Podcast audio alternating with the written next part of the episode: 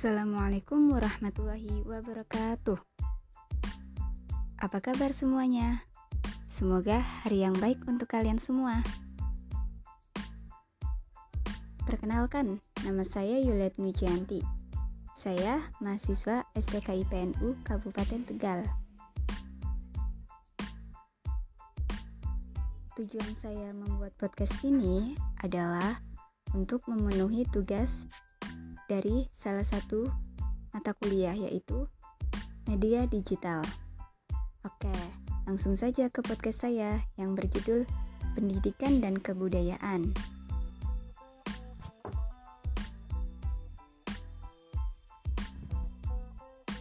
Pendidikan secara praktis tak dapat dipisahkan dengan nilai-nilai budaya.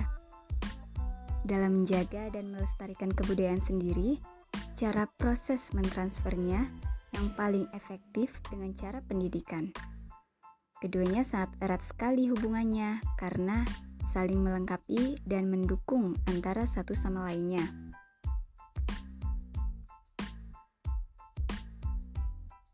Tujuan pendidikan pun adalah melestarikan dan selalu meningkatkan kebudayaan itu sendiri.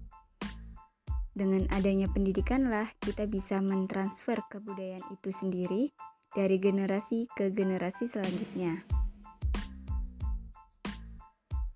Dan juga kita sebagai masyarakat mencita-citakan terwujudnya masyarakat dan kebudayaan yang lebih baik ke depannya, maka sudah sendirinya pendidikan kita pun harus lebih baik lagi.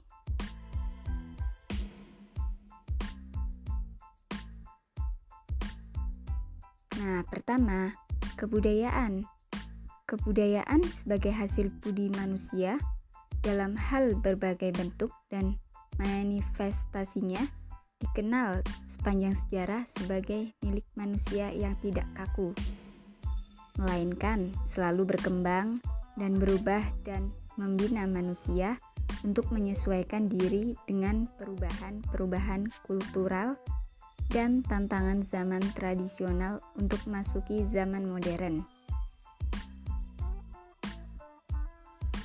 Manusia sebagai makhluk berakal dan berbudaya selalu berupaya untuk mengadakan perubahan-perubahan. Dengan sifatnya yang kreatif dan dinamis, manusia terus berevolusi, meningkatkan kualitas hidup yang semakin terus maju. Ketika alamlah yang mengendalikan manusia dengan sifat yang tidak idle curiosity atau rasa keingintahuan yang terus berkembang, Makin lama, daya rasa, cipta, dan karsanya telah dapat mengubah alam menjadi sesuatu yang berguna. Maka alamlah yang dikendalikan oleh manusia.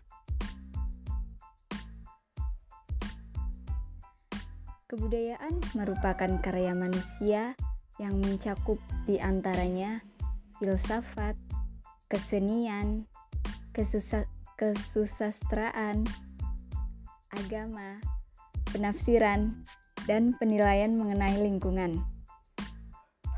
Nah, di sini kita kembali ke pendidikan.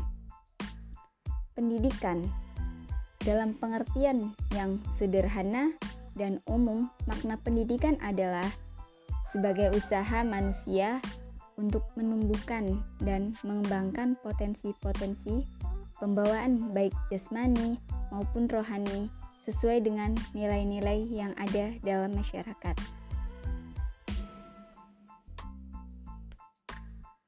Adapun menurut Carter Vigut dalam Dictionary of Education bahwa pendidikan itu mengandung pengertian satu proses perkembangan kecakapan seseorang dalam bentuk sikap dan perilaku yang berlaku dalam masyarakatnya. Yang kedua, proses sosial di mana seseorang dipengaruhi oleh suatu lingkungan yang terpimpin atau misalnya sekolah sehingga ia dapat mencapai kecakapan sosial dan mengembangkan pribadinya. Sedangkan menurut konsep yang dikemukakan oleh Feynman Butt dalam bukunya yang terkenal yaitu Cultural History of Western Education, bahwa pendidikan adalah kegiatan menerima dan memberikan pengetahuan sehingga kebudayaan dapat diteruskan dari generasi ke generasi berikutnya. Menurut Hasan Langgulung, dalam bahasanya mengenai pendidikan adalah aktivitas yang dikerjakan oleh pendidikan dan filsafat-filsafat untuk menjelaskan proses pendidikan, menjelaskan, mengkritik, dan merubahnya berdasarkan masalah-masalah kontradiksi budaya.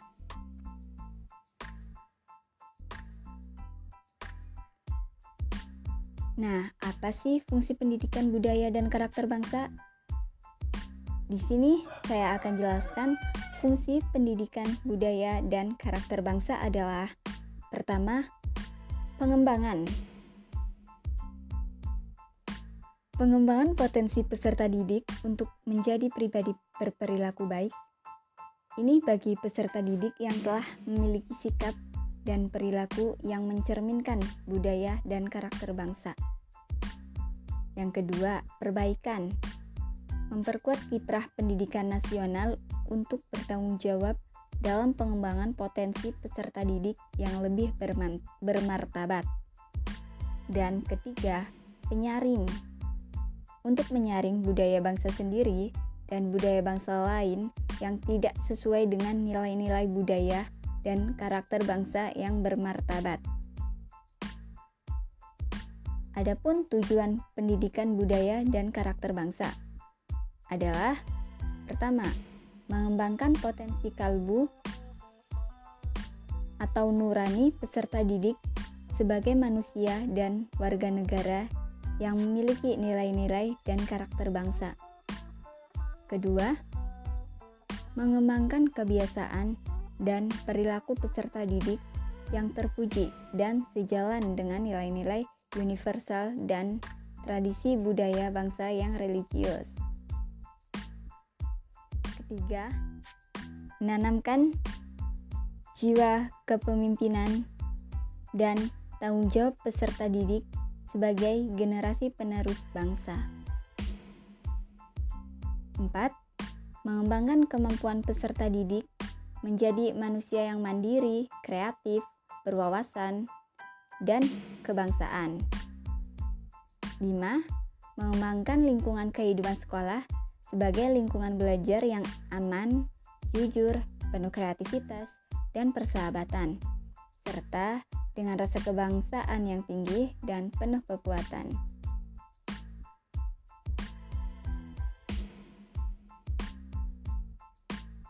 Nilai-nilai dalam pendidikan budaya dan karakter bangsa. Nah, nilai-nilai yang dikembangkan dalam pendidikan budaya dan karakter bangsa diidentifikasi dari sumber-sumber berikut ini. Yang pertama, ada agama. Masyarakat Indonesia adalah masyarakat beragama. Oleh karena itu, kehidupan individu, masyarakat, dan bangsa selalu didasari pada agama dan kepercayaannya. Cara politisi, kehidupan kenegaraan pun didasari pada nilai-nilai yang berasal dari agama. Atas dasar pertimbangan itu, maka nilai-nilai pendidikan budaya dan karakter bangsa harus didasarkan pada nilai-nilai dan kaidah yang berasal dari agama. Kedua, Pancasila.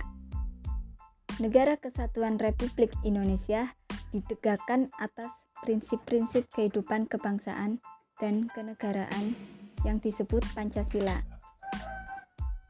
Pancasila terdapat pada pembukaan Undang-Undang Dasar 1945 dan dijabarkan lebih lanjut dalam pasal-pasal yang terdapat dalam Undang-Undang 1945.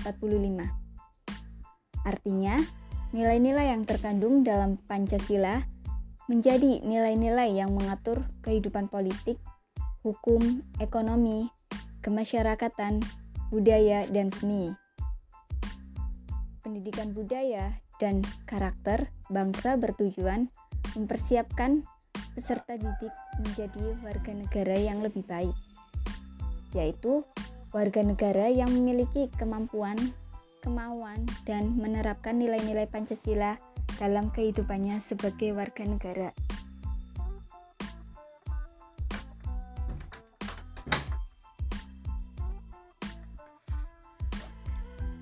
Ketiga, budaya.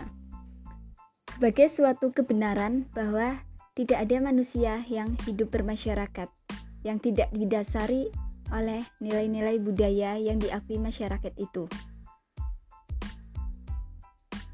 Nilai-nilai budaya itu dijadikan dasar dalam pemberian makna terhadap suatu konsep dan arti dalam komunikasi antar anggota masyarakat itu.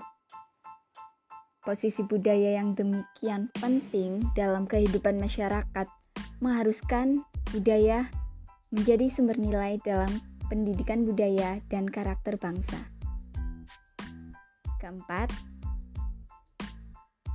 tujuan pendidikan nasional sebagai rumusan yang kualitas sebagai rumusan kualitas yang harus dimiliki setiap warga negara Indonesia dikembangkan oleh berbagai satuan pendidikan di berbagai jenjang dan jalur. Tujuan pendidikan nasional memuat berbagai nilai kemanusiaan yang harus dimiliki oleh negara Indonesia. Oleh karena itu, tujuan pendidikan nasional adalah sumber yang paling operasional dalam pengembangan pendidikan budaya dan karakter bangsa.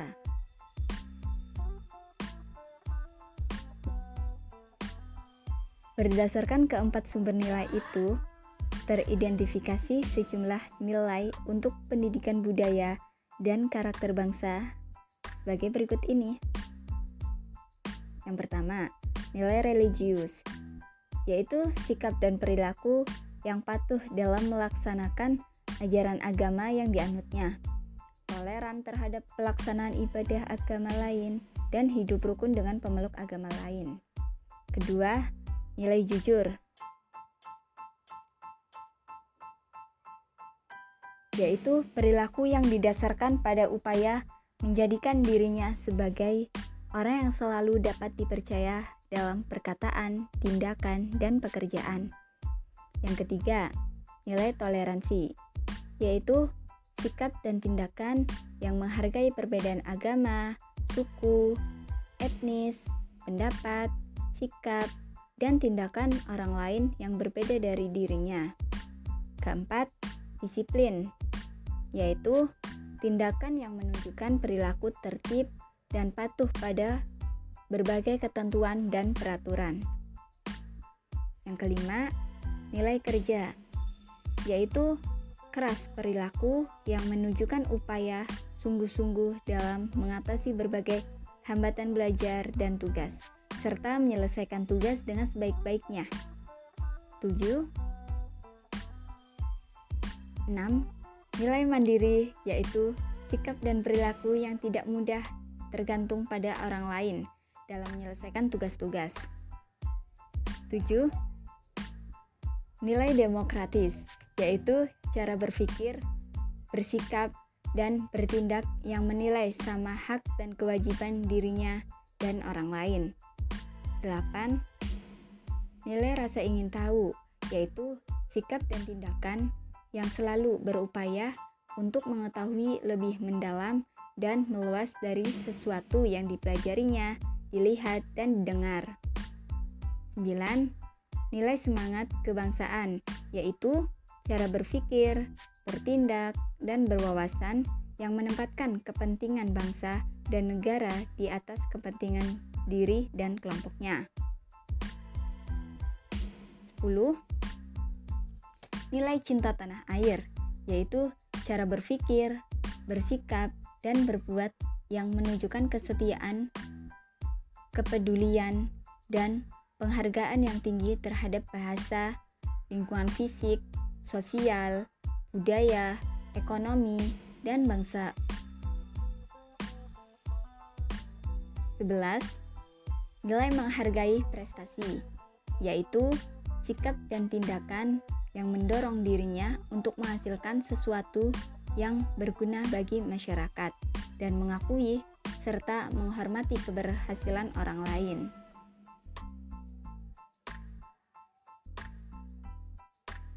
Selanjutnya, nilai bersahabat atau komunikatif, yaitu tindakan yang memperlihatkan rasa senang berbicara, bergaul, dan bekerja sama dengan orang lain. Nah, sekolah dan guru dapat menambah ataupun mengurangi nilai-nilai tersebut sesuai dengan kebutuhan masyarakat yang dilayani sekolah dan hakikatnya materi SK atau KD. Dan materi bahasan suatu mata pelajaran. Meskipun demikian, ada lima nilai yang diharapkan menjadi nilai minimal yang dikembangkan di setiap sekolah, yaitu nyaman, jujur, peduli, cerdas, dan tangguh atau kerja keras. Nah, mungkin hanya itu podcast dari saya. Kurang lebihnya saya minta maaf karena saya juga baru belajar tentang podcast ini. Tentunya pasti banyak kekurangan. Mohon dimaklumi. Wabillahi taufiq wal hidayah. Assalamualaikum warahmatullahi wabarakatuh.